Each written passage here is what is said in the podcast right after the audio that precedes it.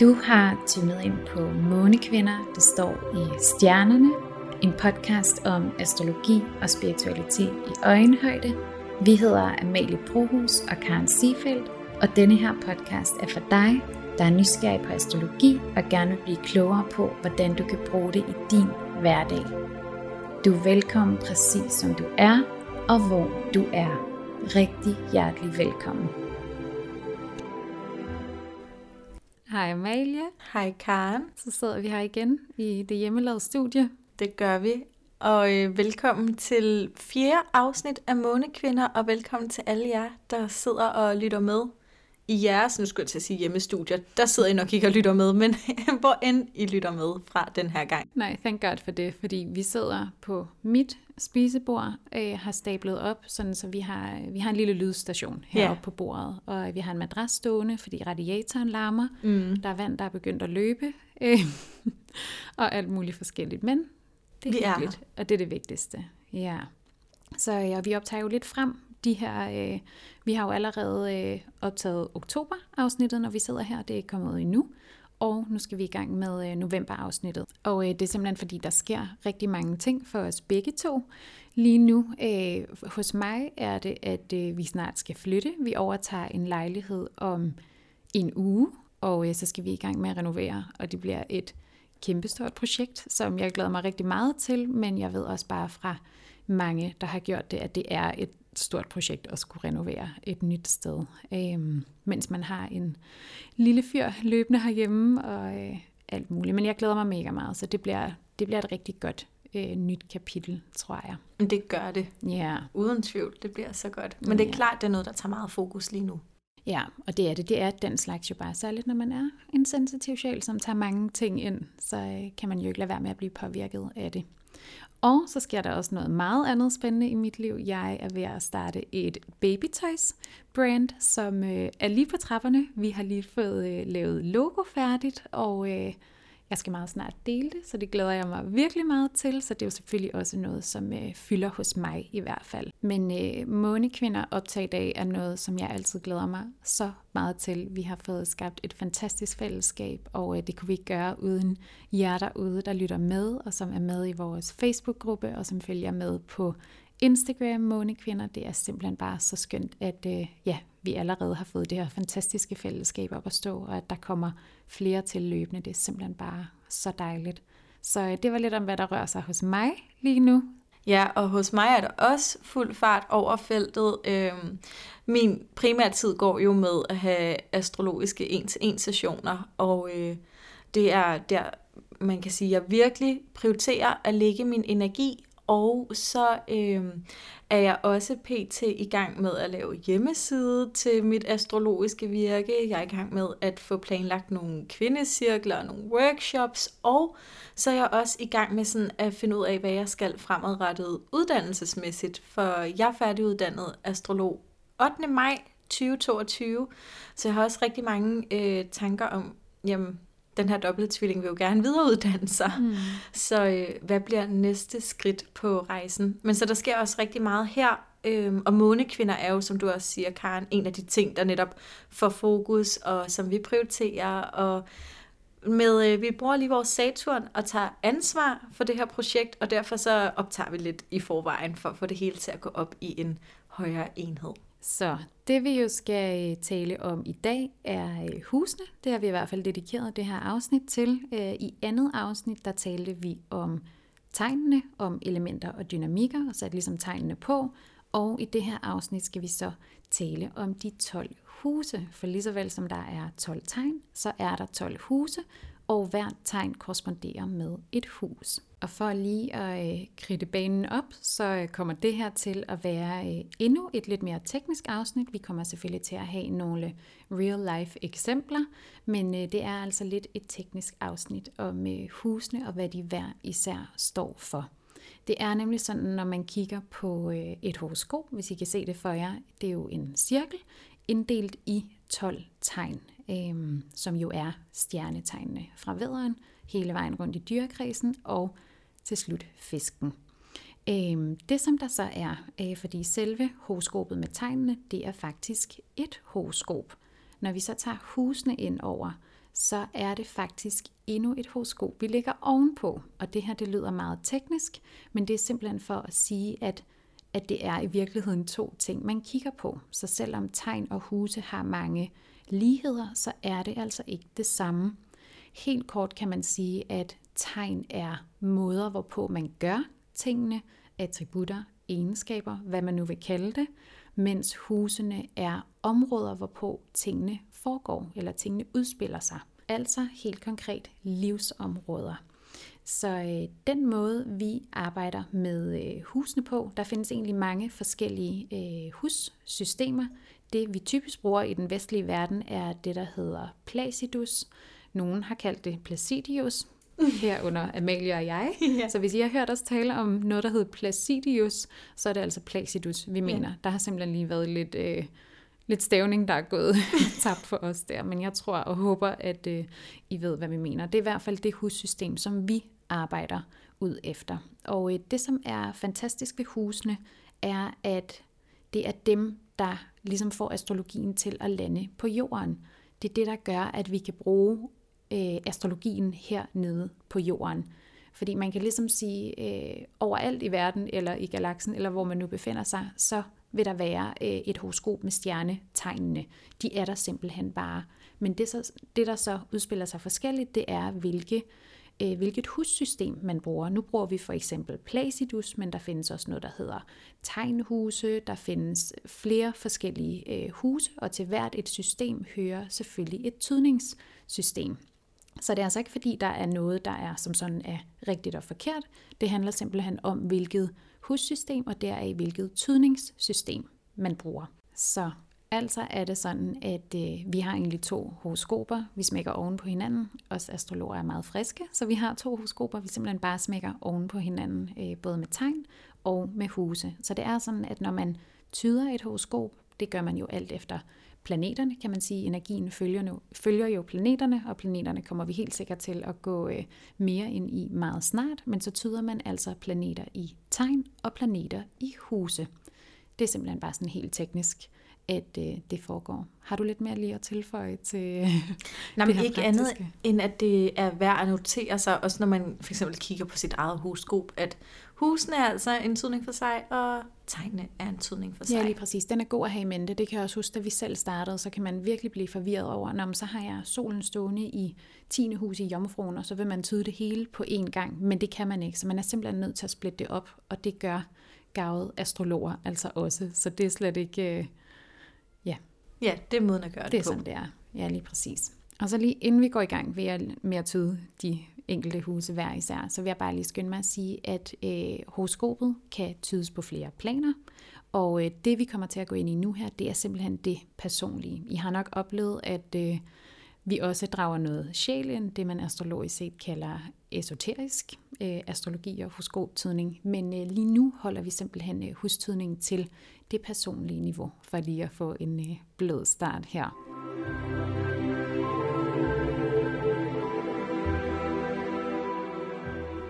Så hvis vi starter med første hus. Første hus er øh, også vederens hus, det korresponderer med vederens tegn, og øh, første hus er altså et enormt fysisk hus. Helt kort beskrevet er det vores krop, altså vores fysiske krop. Øh, det, der gør, at vi er landet på denne her jord, eller det, der gør det muligt for sjælen at være på denne her jord.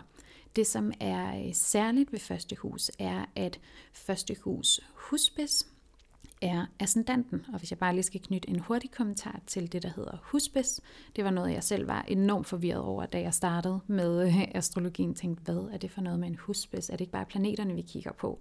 Men øh, det er altså også husspidsen, og det er simpelthen spidsen til et hvert nyt hus. Så vi har en første husspids, en anden, tredje, fjerde, femte og så fremdeles. Øhm, så en husspids til hvert hus. Det er nemlig sådan, at hvis man nu ikke har planeter i et hus, så betyder det ikke, at huset ikke er vigtigt.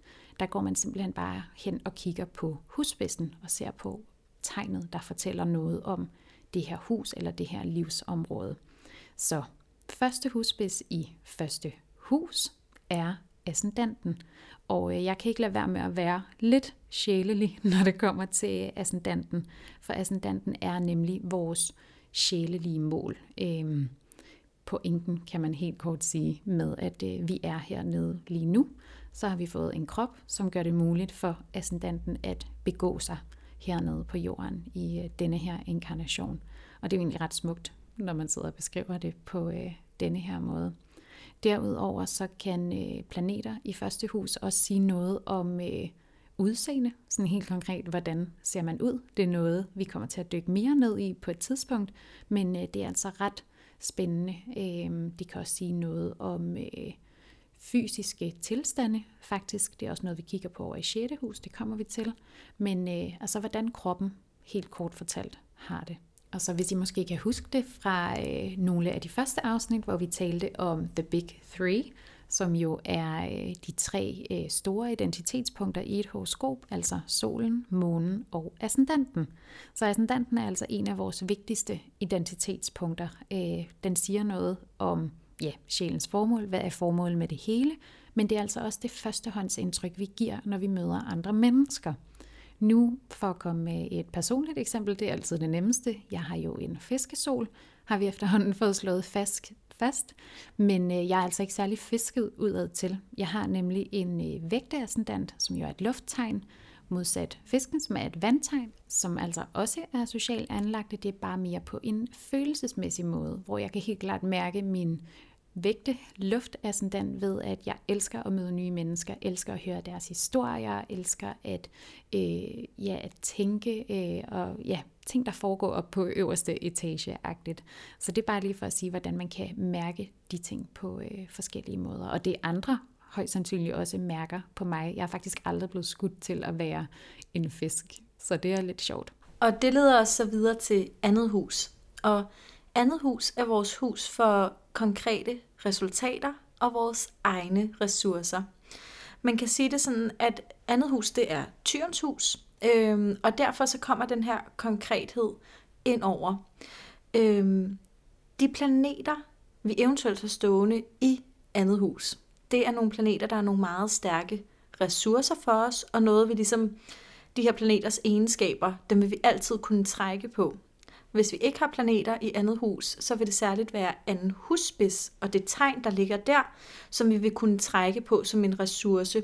Man kan ligesom forestille sig, at det her det er en ressource, man altid har tilgængeligt. Så hvis vi nu leger med, at vi havde øh, Jupiter stående i andet hus, så ville glæden øh, være en ressource, og humoren være en ressource, man altid vil kunne trække på i tilværelsen. Hvis det var med kur, så ville det være formidlingen. Øhm, andet hus er et skabende hus. Så i andet hus, der skaber vi konkrete resultater. Man kan vel i virkeligheden også kalde det manifesteringshus. Altså mm. fordi at manifestering er jo, når vi skaber noget fysisk øh, og bringer noget konkret ind i den her verden. Andet hus, øh, når vi taler om ressourcer, så er det ikke øh, kun sådan personlige egenskaber eller ting, øh, resultater, vi skaber. Det er også øh, vores egen økonomi. Det ligger også ind under vores egne ressourcer. Så, øh, så man kan ligesom også kigge på ens egen økonomiske situation, når man ligesom går ind og kigger på andet hus og ens forhold til sin egen økonomi og ens forhold til sine egne pengesager. Er man sådan en, der holder meget tæt på pengene, eller er man en, der bare øh, kaster dem rundt ud over det hele? Øh, sådan lidt mere en laissez-faire type eller måske nogle gange en forvirret type omkring sin økonomi. Øhm, men i hvert fald så er det det her, når vi kigger på andet hus, så tænker vi egne ressourcer. Enten egenskaber, øhm, ting jeg skaber, eller altså resultater jeg skaber, eller øh, ren skær økonomi. Derudover så er andet hus også vores hus for at være selvstændig. Fordi det netop handler om vores egne ressourcer, og hvis man har lyst til at kaste sig ud i det selvstændige liv, så er det altså det her hus, man går ned og kigger på, øh, om der ligger nogle planeter, der ligesom kan indikere, at der ligger et stærkt potentiale for at kunne være selvstændig. Og igen for at give et eksempel for eget liv og eget horoskop, så har jeg Mars stående i andet hus. Øh, og Mars er jo vores planet for arbejde, og den har jeg så stående i huset for at være selvstændig. Så det står jo nærmest skrevet i stjernerne, at jeg skulle hoppe ud som selvstændig på et eller andet tidspunkt. Men det er altså det her med, hvilke ressourcer har jeg selv at trække på, vi går ned og kigger på i andet hus. Fordi andet hus også er et skabende hus, altså i forhold til resultaterne, så kan man også sige, at det er et kreativt hus. Mm. At der er noget kreativitet, noget skabelsesproces, som vi finder nede i andet hus. Lige præcis. Noget, der bliver meget konkret. Ja, det er jo det at konkretisere noget. Få det til at lande på jorden, får jeg lyst til faktisk at sige. Ja. Nu øh, har jeg for eksempel ikke nogen planeter i andet hus. Kan jeg så ikke være selvstændig? Jo, det kan jeg godt. Det handler nemlig ikke kun om, hvilke planeter man har der selvfølgelig, men der ligger helt klart et potentiale, hvis man for eksempel, som du har, Amalie, en Mars i andet hus. Øhm, jeg har så, det man så vil gøre med øh, en som mig, skulle jeg til at sige, en som ikke har nogen planeter i andet hus, der vil man kigge på husspidsen simpelthen. Øhm, jeg har skorpion på anden husspids, øhm, så det er simpelthen det tegn, man vil øh, kigge på der. Så det var lidt om øh, andet hus og øh, de fysiske ressourcer, egne ressourcer. Nu hopper vi videre til tredje hus, og øh, tredje hus er også et enormt spændende hus. Tredje hus handler om øh, alle former for kommunikation. Og øh, inden jeg lige går i gang med at fortælle videre, så noget, som øh, var ret interessant for mig at finde ud af, da jeg begyndte at læse astrologi, var, at det at øh, kommunikere faktisk betyder at gøre fælles.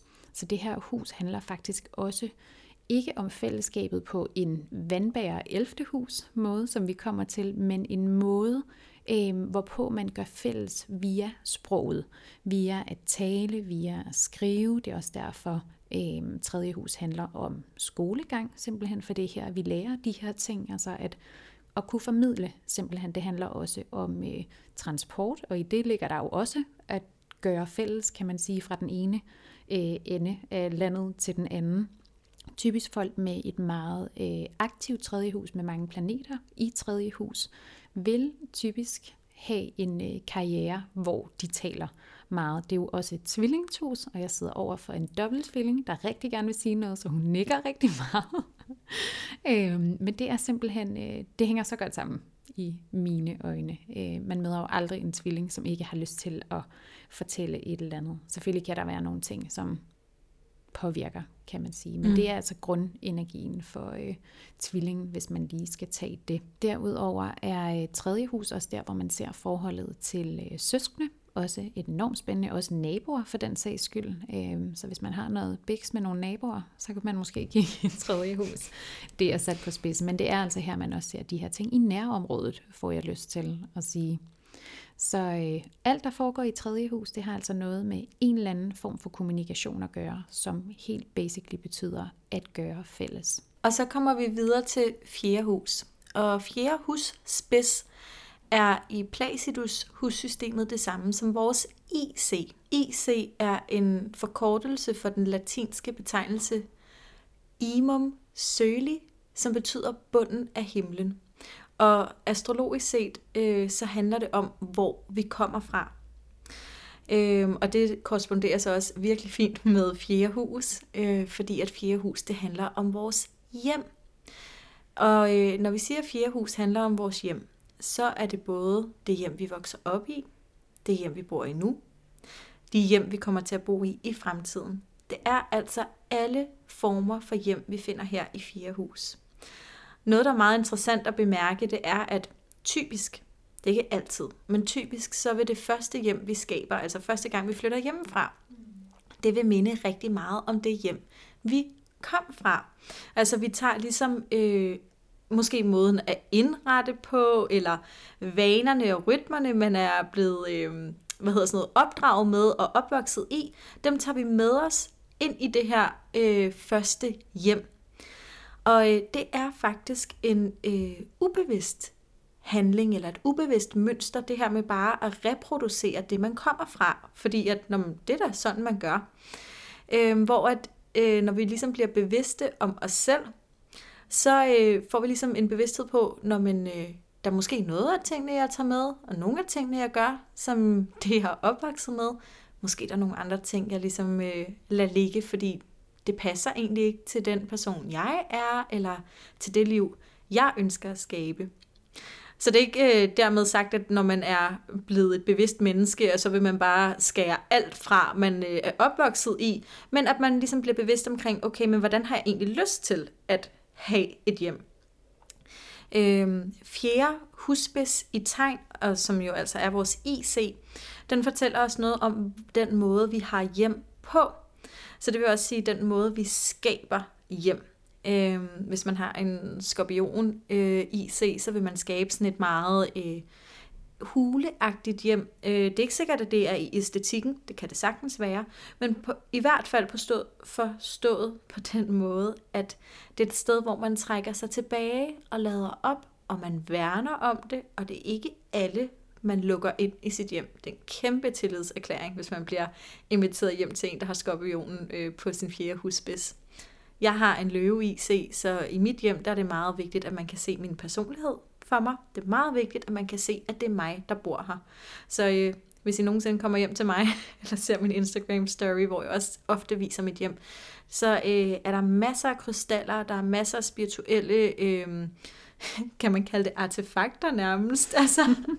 Men fordi det er noget, der er vigtigt for mig at vise min personlighed, øh, at den, den skal kunne ses. Øh, fjerde hus øh, handler egentlig også om vores familieliv og den måde, man har hjem og familie på. Ja, det giver rigtig god mening. Øh, og fjerde hus er også i og med, at det er hjemmet, det er et hus, der foregår bag lukkede døre, så det er en af de private huse, kan man kalde det faktisk. Nu har jeg for eksempel øh, vandbæren stående på fjerde husspids, og hvis man kigger rundt, så vil nogen måske også synes, at øh, vi sidder jo i min stue, at øh, der er nogle, måske nogle lidt specielle ting. Og vandbæren, det er jo sådan øh, dyrekredsens øh, rebel, og den, der ligesom står for alt det alternative, nytænkende osv. Øhm, så jeg kan rigtig godt lide at indrette mig et hjem, som ingen andre har. Det skal helst være noget helt øh, unikt og meget særligt, som, fordi jeg synes, det er smukt. Så selvfølgelig er der også en masse krystaller og så videre, men øh, der er mange farver og mange ting, som er sammensat fra øst og vest. Så det er altså måder, hvorpå man øh, kan se det her. Også hvordan man kommer til, nu nævnte du, øh, det handler om ens familie.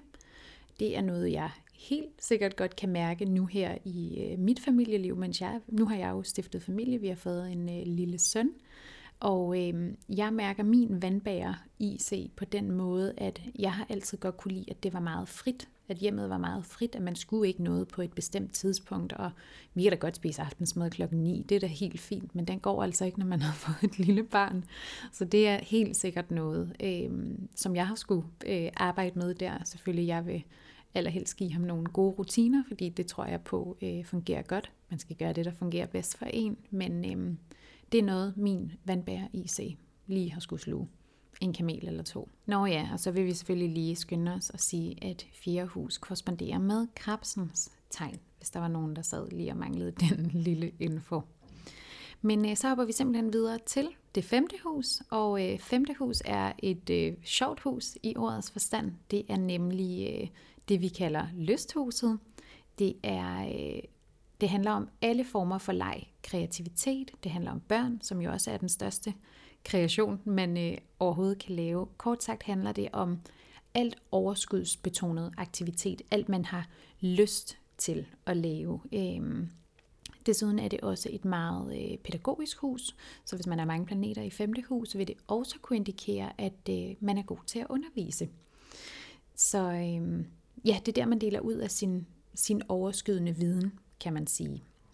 Femte hus er øh, løvens hus, og som I nok kan høre, som vi går frem her, så korresponderer det altså rigtig godt, øh, altså hvert et tegn med huset. Løven er jo den her meget strålende personlighed, som virkelig formår at bruge sig selv øh, til at videregive sin øh, viden og, ja, hvad skal man sige, erfaring til andre. Så den bruger virkelig sig selv, så det er altså også det, man gør i femte hus. Det er også her, man vil kunne finde øh, alle former for øh, teater og skuespil og den her alle de her ting, hvor man bruger sig selv på en scene, nærmest kan man sige. Det er et meget lejende hus, kan I næsten høre, og et meget eksperimenterende hus. Det er helt sådan overordnet her, hvor man er tæt på at blive voksen.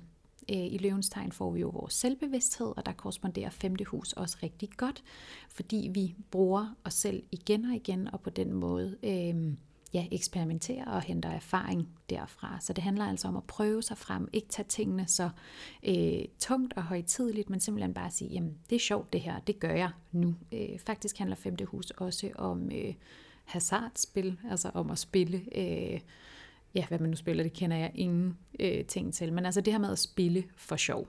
Femte hus handler også om øh, sport, som jo igen er en aktivitet, hvor man virkelig bruger sig selv. Så hvis man har mange planeter stående nede i femte hus, det kommer selvfølgelig an på, hvilke planeter det er.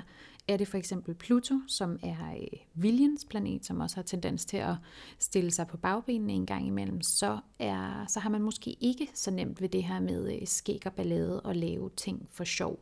Men har man for eksempel Jupiter stående i femte hus, så skal den bare have gas, masser af glæde, masser af udvidelse, og jo flere, jo bedre.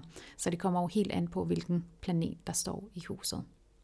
Ja, og efter femte hus kommer surprise, sjette hus. Og sjette hus, det er jomfruens hus. Sjette hus har med hverdagen at gøre. Så i sjette hus, der finder vi alt det, vi gør i vores hverdag. Og noget, som du nævnte i, i starten, Karen, det er det her med, at bare fordi man har et tomt hus, så betyder det jo ikke, at det hus ikke er vigtigt. Og hvis du sidder og har et uh, tomt hus i dit horoskop, så tør jeg stadig godt ved med, at du har en hverdag. Mm. Øhm, så sjette hus, det er alt, der hedder rytmer, rutiner. Øh, det er også det, der kan hedde hverdagsritualer, altså små ting, man gør i hverdagen, som er med til at gøre den meningsfyldt og nærende at være i. I 6. hus, der finder vi også alt, der har med øh, hygiejne og sundhed og vedligeholdelse af kroppen at gøre. Øh, så i 6. hus, der øh, spiser vi nogle gode og nærende ting, og vi sørger for at få bevæget kroppen, og vi sørger for at gå i bad, og på den måde have en ordentlighed. Der øh, står jomfruen jo og visker i, i kulissen, at vi skal huske ordentligheden. Tingene skal gå ordentligt for sig. Øhm, 6. hus har også at gøre med øhm, vores lønmodtagerarbejde. Så øh, i 6. hus, der øh, kan man ligesom også kigge på, om der er en tydelig energi på at være altså ansat lønmodtager. Øh, det er også øh, huset for det, der hedder tjenestearbejde. Og tjenestearbejde, det er, når vi stiller os til rådighed for andre igennem vores gaver eller vores egenskaber. Så man kan sige det her med, hvad er jeg dygtig til, og hvordan kan jeg så bruge det til gavn for nogle andre mennesker. Det er det, der ligesom ligger i essensen i tjenestearbejde, at stille sig til rådighed. Øh, I forhold til 6. hus, så øh, kan man sige, hvis man øh, kigger på den her tematik omkring at være selvstændig, som vi talte om i andet hus, og være lønmodtager, som ligger i 6. hus, så øh, kan man godt se, hvor der er mest energi der kan også være energi begge steder. Øh, det her med at blive selvstændig, det er at flytte sig psykologisk fra ens 6. hus til ens andet hus. Omvendt, hvis du nu har været selvstændig og gerne vil øh, ind på lønmodtager arbejdsmarkedet, så er det at flytte sig psykologisk fra andet hus til 6. hus. Og i forhold til, at 6. hus er vores hverdag, så ligger der også den her vedligeholdelse i 6. hus. Altså de ting, vi er nødt til at gøre igen og igen for at opretholde det. Altså, vi er nødt til at børste vores tænder hver dag. Det nytter ikke bare at gøre det en gang i livet, og så, nå, det var det. Øh, ligesom at vi er nødt til at få noget mad hver dag. Vi er nødt til at... Øh, ja, hvis man vil i form, så løbe en tur, eller altså hvad det nu kunne være, men det er de der rutinemæssige handlinger, og det vi gentager og vedligeholder på en eller anden måde. Altså jeg er sikker på, at I selv kan komme ind øh, med nogle eksempler i jeres fra jeres eget liv med, hvad er det, jeg gør i min hverdag, som er en del af mine rutiner. Øhm, jeg har for eksempel solen stående i 6. hus, så derfor så er hverdagen enormt vigtig for mig, øhm, og det kan den også være med andre centrale planeter stående i 6. hus, eller hvis man bare har mange planeter i sit 6. hus. Øhm, når jeg tænker på 6. hus, så tænker jeg altid på Dan Tyrells digt, Jeg holder af hverdagen. Altså det her med, at jamen, jeg lever ikke for weekenderne, eller for ferierne, eller for rejserne. Jeg holder af hverdagen, jeg holder af at stå op og drikke min kop kaffe, jeg holder af at lufte min hund, jeg holder af at rydde op i min stue. Altså den der kærlighed til hverdagen, den finder vi også i 6. hus. Og så har 6. hus også øh, på et kropsligt plan med vores indre organer at gøre. Øhm, men ja, så jeg vil virkelig sige, øh, hverdagen, rutinerne og øh, alt det, der skal vedligeholdes, det er essensen af 6. hus. Ja, så smukt forklaret. Og nu har vi jo taget øh, alle de huse, som ligger under horisonten, kalder vi det, altså den øh, linje, øh, hvor vi har ascendanten og descendanten. Og det er så øh, descendanten, vi kommer til nu, som er syvende husbæs.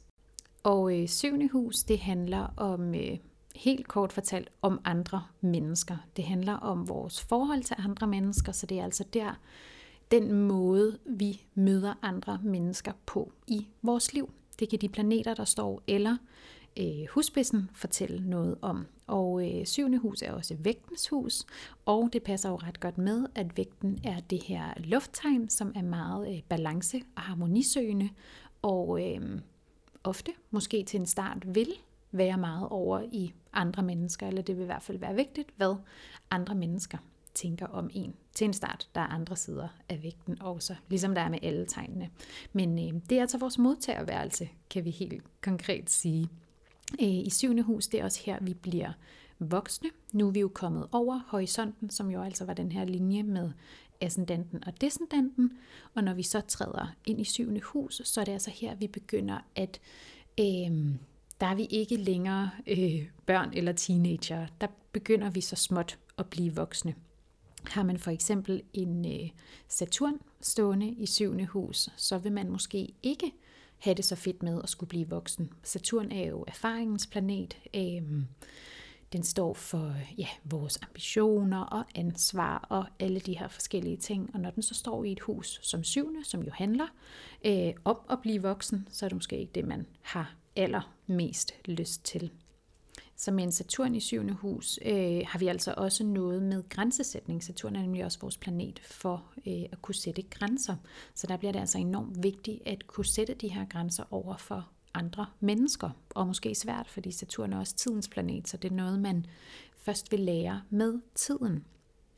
I syvende hus, der øh, det handler også om alle former for aftaler. Øhm, og det er ikke kun arbejdsmæssige aftaler, det er også aftaler såsom at indgå et ægteskab. Øh, og det lyder måske sådan lidt skørt, men det er jo faktisk en aftale mellem to mennesker, der elsker hinanden og har lyst til at være sammen øh, resten af deres liv. Så det er jo også en form for aftale. Det er også aftaler blandt venner, altså venner og veninder, men det er også aftaler... Øh, at det er jo så ikke deciderede aftaler, men syvende hus handler også om fjender, altså dem vi måske øh, ikke har det så godt med. Og der ligger jo en hel masse bag det, men det er noget, vi først øh, ser op i 8. hus. Ja, og i forhold til øh, relationen til alle andre mennesker, det er jo, man kan sige, i virkeligheden det, det handler om. Relationer til alle mennesker i vores liv. Mm. De er i syvende hus noget af det, jeg synes, der er virkelig vigtigt, når vi også tænker på det her med grænsesætning og den her tematik, det er virkelig med at huske, at vi kan ikke hælde fra et tomt kar. Vi er nødt til at fylde os selv op, før vi er noget for andre. Og det tror jeg er en læring, om man har Saturn i syvende hus eller ej. Men det er ofte en læring, der ligger til os øh, i hvert fald til nogle af os, den har også ligget i mit liv, at lære det her med, jamen hvis jeg skal kunne gå ud og være noget for alle de her andre mennesker, der vader ind i mit syvende hus, mm. jamen så kræver det, at jeg har taget ansvar for mig selv og sørget for at fylde mig selv op. Og det betyder altså også at sige nej til aftaler, eller nej til andres behov, for at fylde sig selv op først. Og det er virkelig noget, jeg også skulle lære det her med, men de mennesker, der elsker dig fra et rent hjerte, de vil altid have, at du ønsker at, eller altid ønske, at du fylder dig selv op først. Mm, lige så præcis. Det synes jeg er vigtigt at notere sig, når vi er i syvende det er også noget, jeg så godt kan ikke genkende til, fordi det, der sker, er jo, at man er bange for, at man ikke er en del af fællesskabet, hvis man siger nej. Øhm, og du siger det så flot, altså med, at du kan ikke give noget til andre, før du er noget for dig selv. Og der tænker, eller der har jeg haft tendens til at tænke, at så er jeg jo bare egoistisk, er det bare mig selv først, eller hvad? Og det er det jo ikke, fordi man er selv nødt til at ja, det her billede med selv at tage redningsvesten på, mm. før du kan give det til andre, det er... Det... Jamen, det er jo en kæmpe misforståelse, at det er egoistisk at elske sig selv, at selvkærlighed er en egoistisk handling. Mm.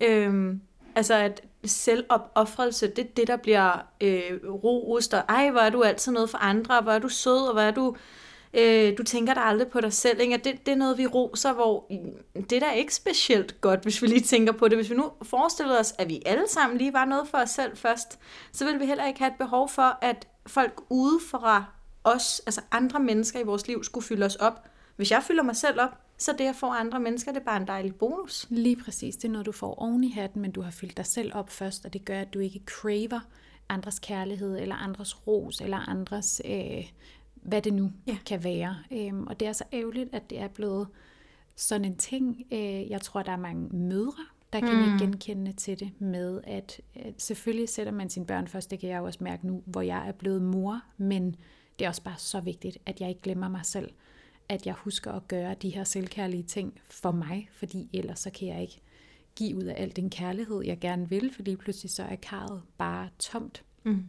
Og jeg tror faktisk også meget, at det er en det har meget været en generations mm. ting for måske vores mødre i virkeligheden. Øhm, jeg ved ikke om, sådan, jeg har sådan et eksempel i mit hoved med øh, den her kvinde, som øh, ordner alt derhjemme, og som altid laver mad, som altid støvsuger og ordner, og det, det, det, men gerne vil have ros for det, og sige, oh, jeg har jo også ordnet alle de her ting, og nu har jeg også gjort dit og dat, og gerne vil have rosen for det, i stedet for at have gjort det fra et et, jamen, det vil jeg gerne gøre, fordi det gør egentlig også mig glad, og jeg ved, det gør de andre glade, i stedet for, at man sådan skal blive sur over det bagefter. Ja. Jeg ved ikke, om det er sådan lidt rodet forklaret, men jeg kan godt nogle gange tage mig selv i, at Nå, nu har jeg støvsuget, har I tænkt jer at sætte pris på det, mm-hmm. eller hvad? Og det er jo sådan, at jamen, du valgte jo selv at støvsuge, så må du selv altså, give dig den ros. Forstår du, hvad jeg Jamen, mener? det er jo lidt den der martyr-tematik ja. med, åh, oh, det er mig, det er altid det mig, der skal gøre det. Eller, altså, øh, det der med, det er jo lidt at tage ansvaret hjem, ikke? Mm-hmm. At tage ansvaret hjem, at jeg gør de ting, øh, jeg har brug for. Hvis jeg kan mærke, der er brug for at blive støvsuget,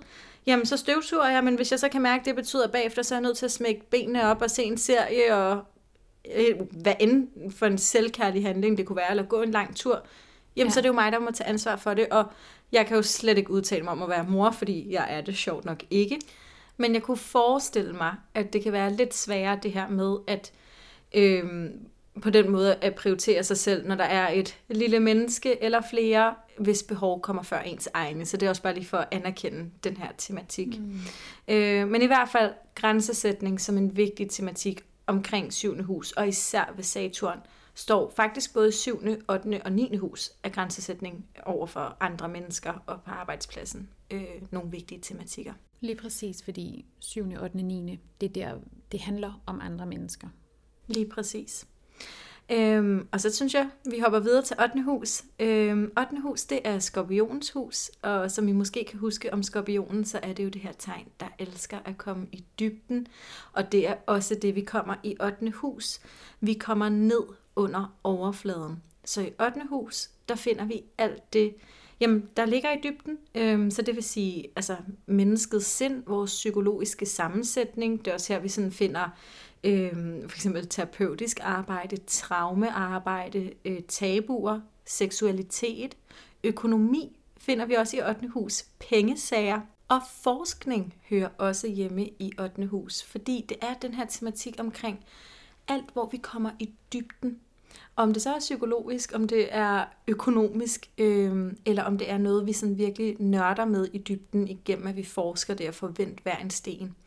Og i forhold til, at økonomi hører hjemme i 8. hus, så er det værd at bemærke, at det er jo fordi, at økonomi i vores samfund er noget, der ligger under overfladen. Vi taler ikke bare lige om, øh, Nå, hej, jeg hedder Amalie, og jeg har øh, 10.000 stående på min konto, eller om jeg har minus 30.000 stående på min konto. Altså, det, det er jo en ting, vi taler med de færreste om, vores økonomiske, øh, hvad hedder sådan noget, ø- økonomiske ressourcer.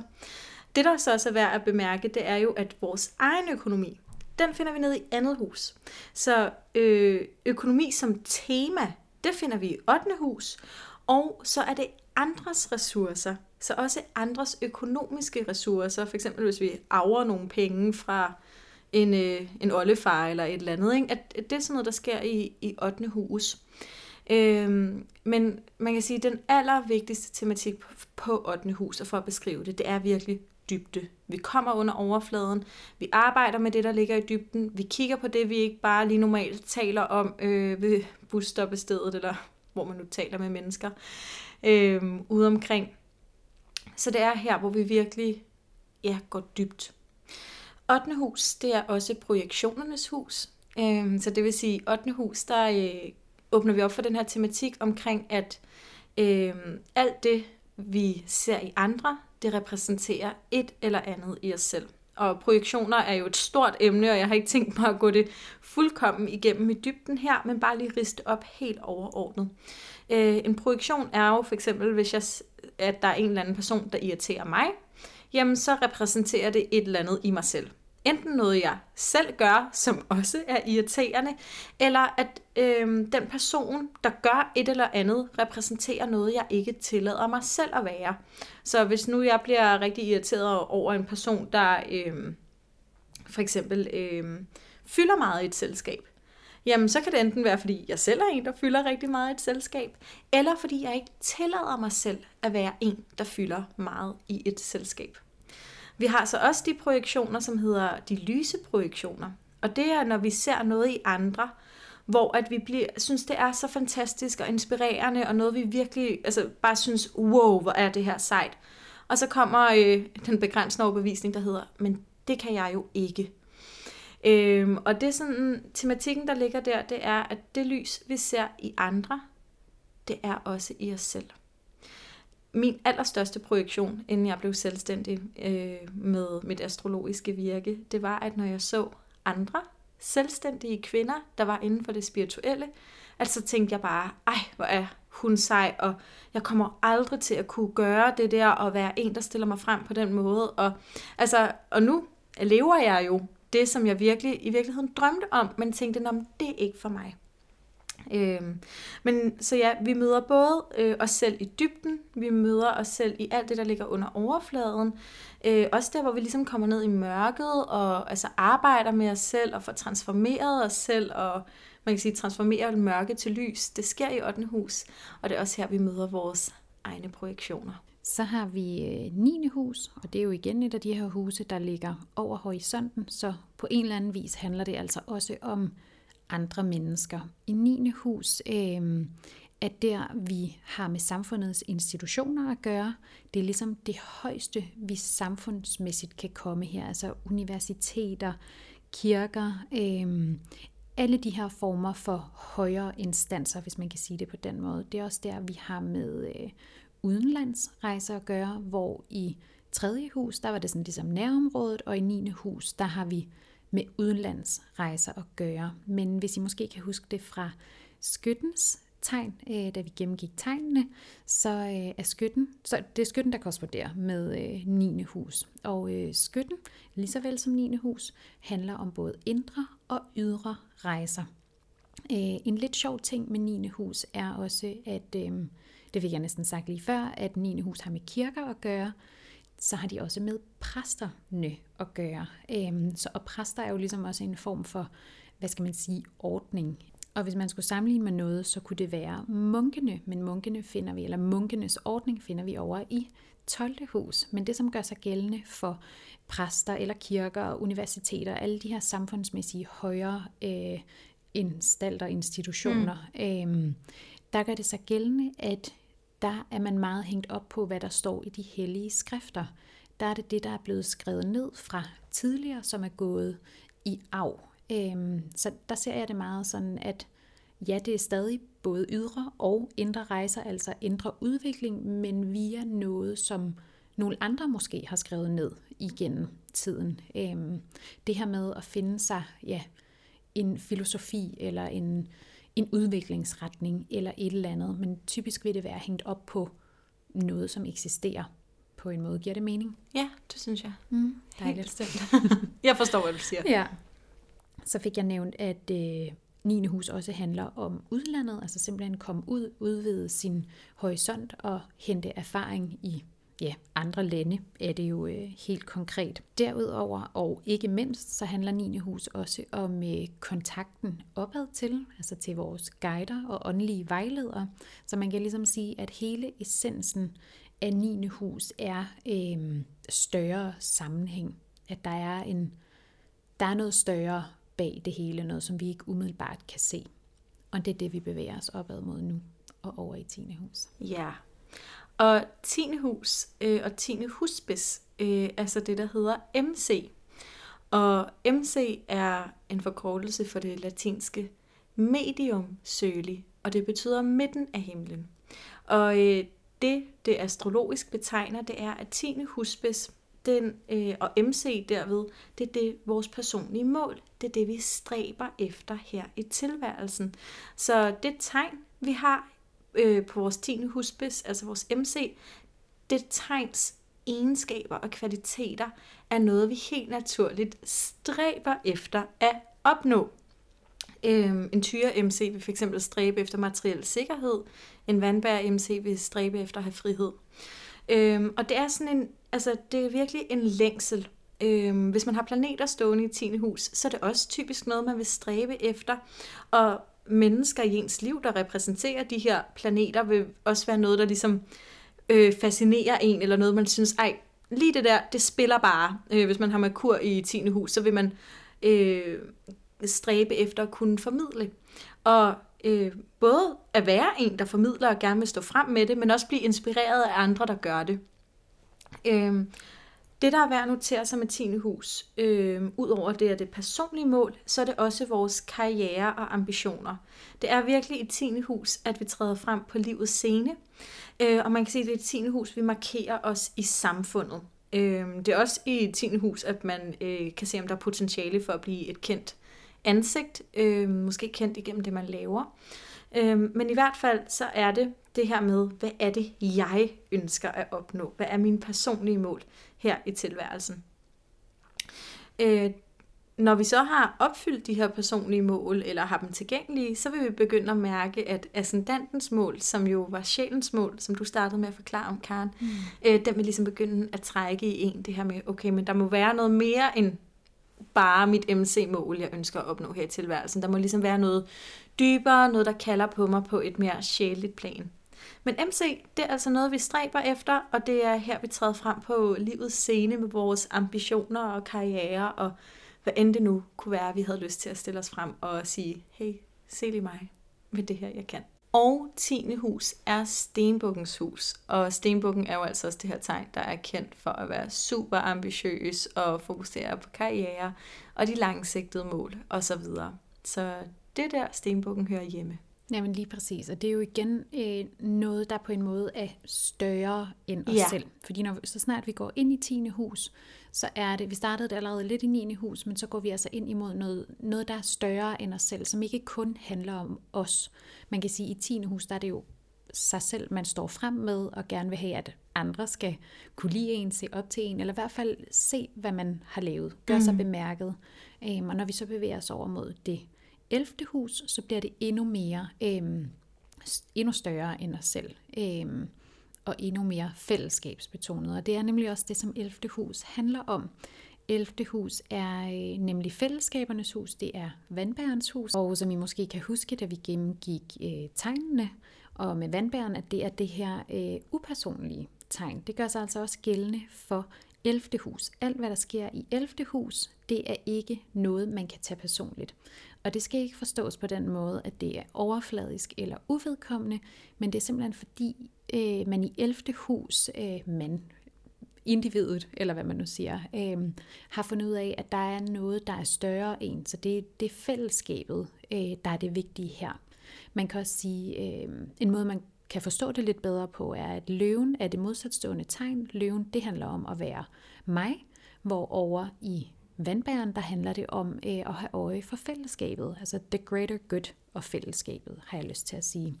Så det er altså i 11. hus, at man, øh, man mødes helt konkret om nogle idéfællesskaber. Altså man har, mange, man har man mødes i nogle grupper, hvor man har øh, de samme idéer og interesser, som man så øh, Øh, forfølger og danner en gruppe og et fællesskab ud for. Det er jo faktisk præcis det, som vi har gjort øh, her i Månekvinder, og som mange andre har formået at gøre med fællesskaber, men vi er jo gået sammen om denne her interesse, som jo er astrologi og spiritualitet, og skabt et fællesskab, hvor ja, individet er helt sikkert vigtigt, fordi de udgør en, en enhed til helheden, kan man sige. Øhm, men det er fællesskabet, der er vigtigt her. Det er det, der gør, at vi hver især kan blomstre. Så kan man tale lidt om, hvad kom så først, hønen eller ægget? Og det ved jeg egentlig ikke, men for mig giver det i hvert fald mening, at det er af fællesskabets interesse, der er, øh, der er hovedsagen her, hvis man kan sige det på den måde. Øhm, jeg fik nævnt, at 11. hus også handler om øh, grupper, på større planer. Øhm, og hvis man skal sådan gå helt op i skala, kan man sige, at den største gruppe af dem alle, det er jo menneskeligheden, altså os mennesker her på jorden. Så derfor vil vi også i 11. hus øhm, finde humanitært arbejde. Alt man gør for øh, humanity. Mm. Øhm, alt man gør for ikke at øhm, nødvendigvis blive belønnet for det selv, det er endnu mere en 12. hus tematik, som vi kommer for lige om lidt. Men det er altså noget, man gør for at understøtte fællesskabet, fordi man ved, at når fællesskabet har det godt, så har vi alle det godt. Har man for eksempel en øh, sol stående i 11. hus, så vil det her være en del af ens kerne. Man vil måske have, øh, det vil måske ligge iboende i en, at man skal lave en eller anden form for humanitært arbejde. Jeg ved ikke, om det kan være Røde Kors eller Læger Uden Grænser, hvad end man nu har valgt at uddanne sig indenfor. Men det er altså den her tematik med, at man vil gerne gøre noget godt for fællesskabet.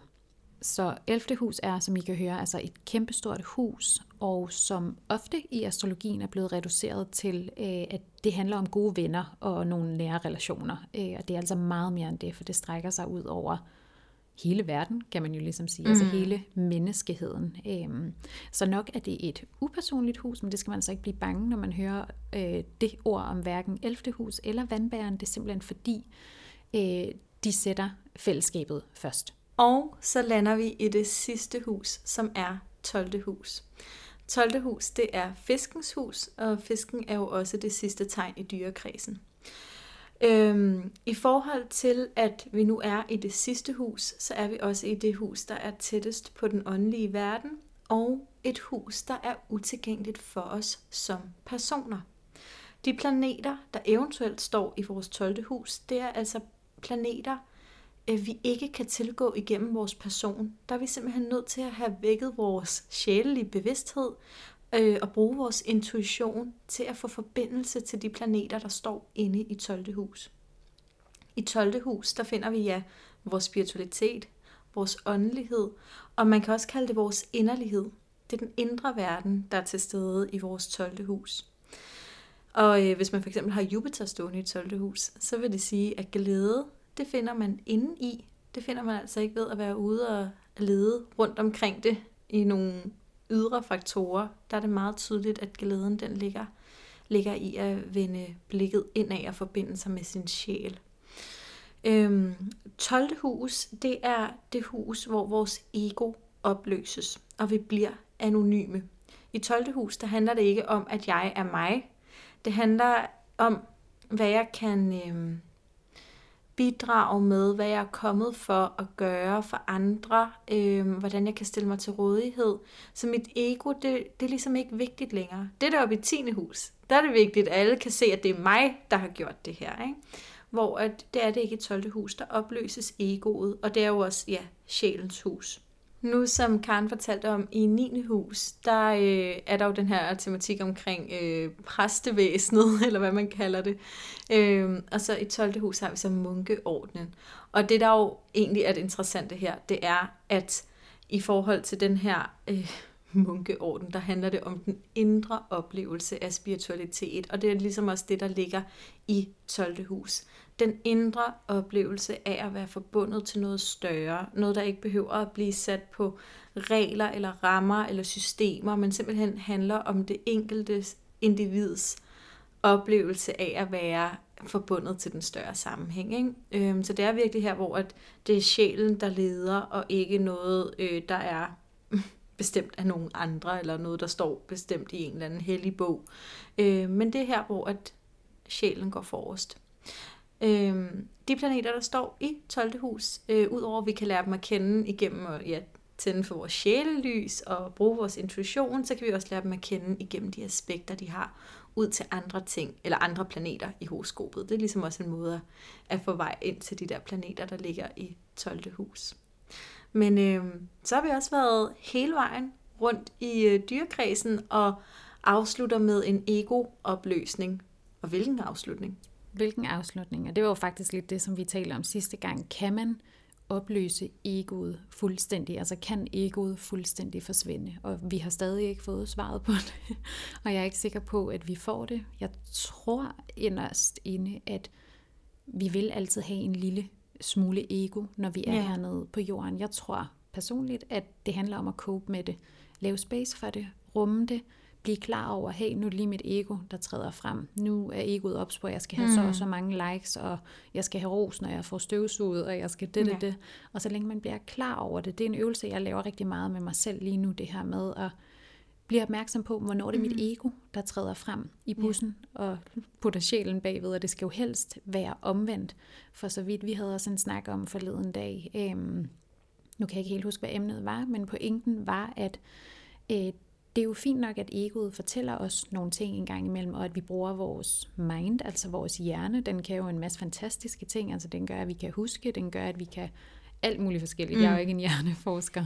Men der er det fint at bruge den, og der er det rigtig godt, og det er det, vi skal. Men det er så snart, at the mind tager over, at det bliver noget råd. Altså fordi når vi er færdige med at bruge den, og vi har fået planlagt og det, så kan vi jo pakke den væk for en stund, og så er det jo vores sjæl, der skal træde frem, som den skal gøre det meste af tiden. Og nu lyder det helt heldigt, det skal det bestemt ikke gøre. Jeg er ikke en mester i det her overhovedet, men jeg synes, det er mega fedt at øve mig på det, fordi jeg kan mærke, at jeg har det bedre, mm. når jeg gør det. At når jeg bruger min hjerne, mit ego, min mind, hvad end vi skal kalde det, ja. jeg tror, I ved, hvad jeg mener, øhm, til det, som det skal, som er det praktiske en gang imellem, som ikke er det, som skal, der skal overtage hele mit liv.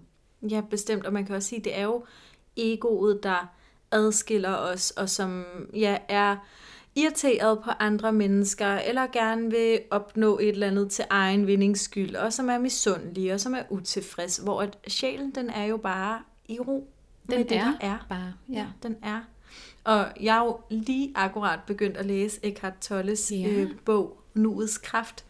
Øhm, jeg føler mig en lille smule late to the party, for jeg ved jo, det er en meget... Øhm, du kom præcis, når du skulle. Jeg kom lige præcis, til jeg skulle. præcis. Men, øh, men det er jo en meget anerkendt øh, spirituel bog, og mm. øh, hvis man er interesseret i den her tematik omkring ego og sjæl, så... Øh, så tør jeg godt anbefale den allerede nu, inden jeg har læst den hele. Ja. Og jeg ved jo, at du, Karen, simpelthen er vild med den bog. Ja, altså vi siger jo, at der ikke findes nogen guru, og han er heller ikke en guru, men den er tæt på at være min bibel. altså, jeg har virkelig fået meget ud af den. Og en ja. af de ting, jeg har fået allermest ud af, det er det her med, når man befinder sig i en, en ubehagelig situation, som mm. man ikke har lyst til at være i, så er der han har sådan tre overordnede ting, man kan mm. gøre. Du kan enten fjerne dig fra situationen, du kan acceptere den, som den er, mm. eller du kan forsøge at lave om på den. Og det tror jeg faktisk er sådan en læresætning, jeg har brugt ja, mm.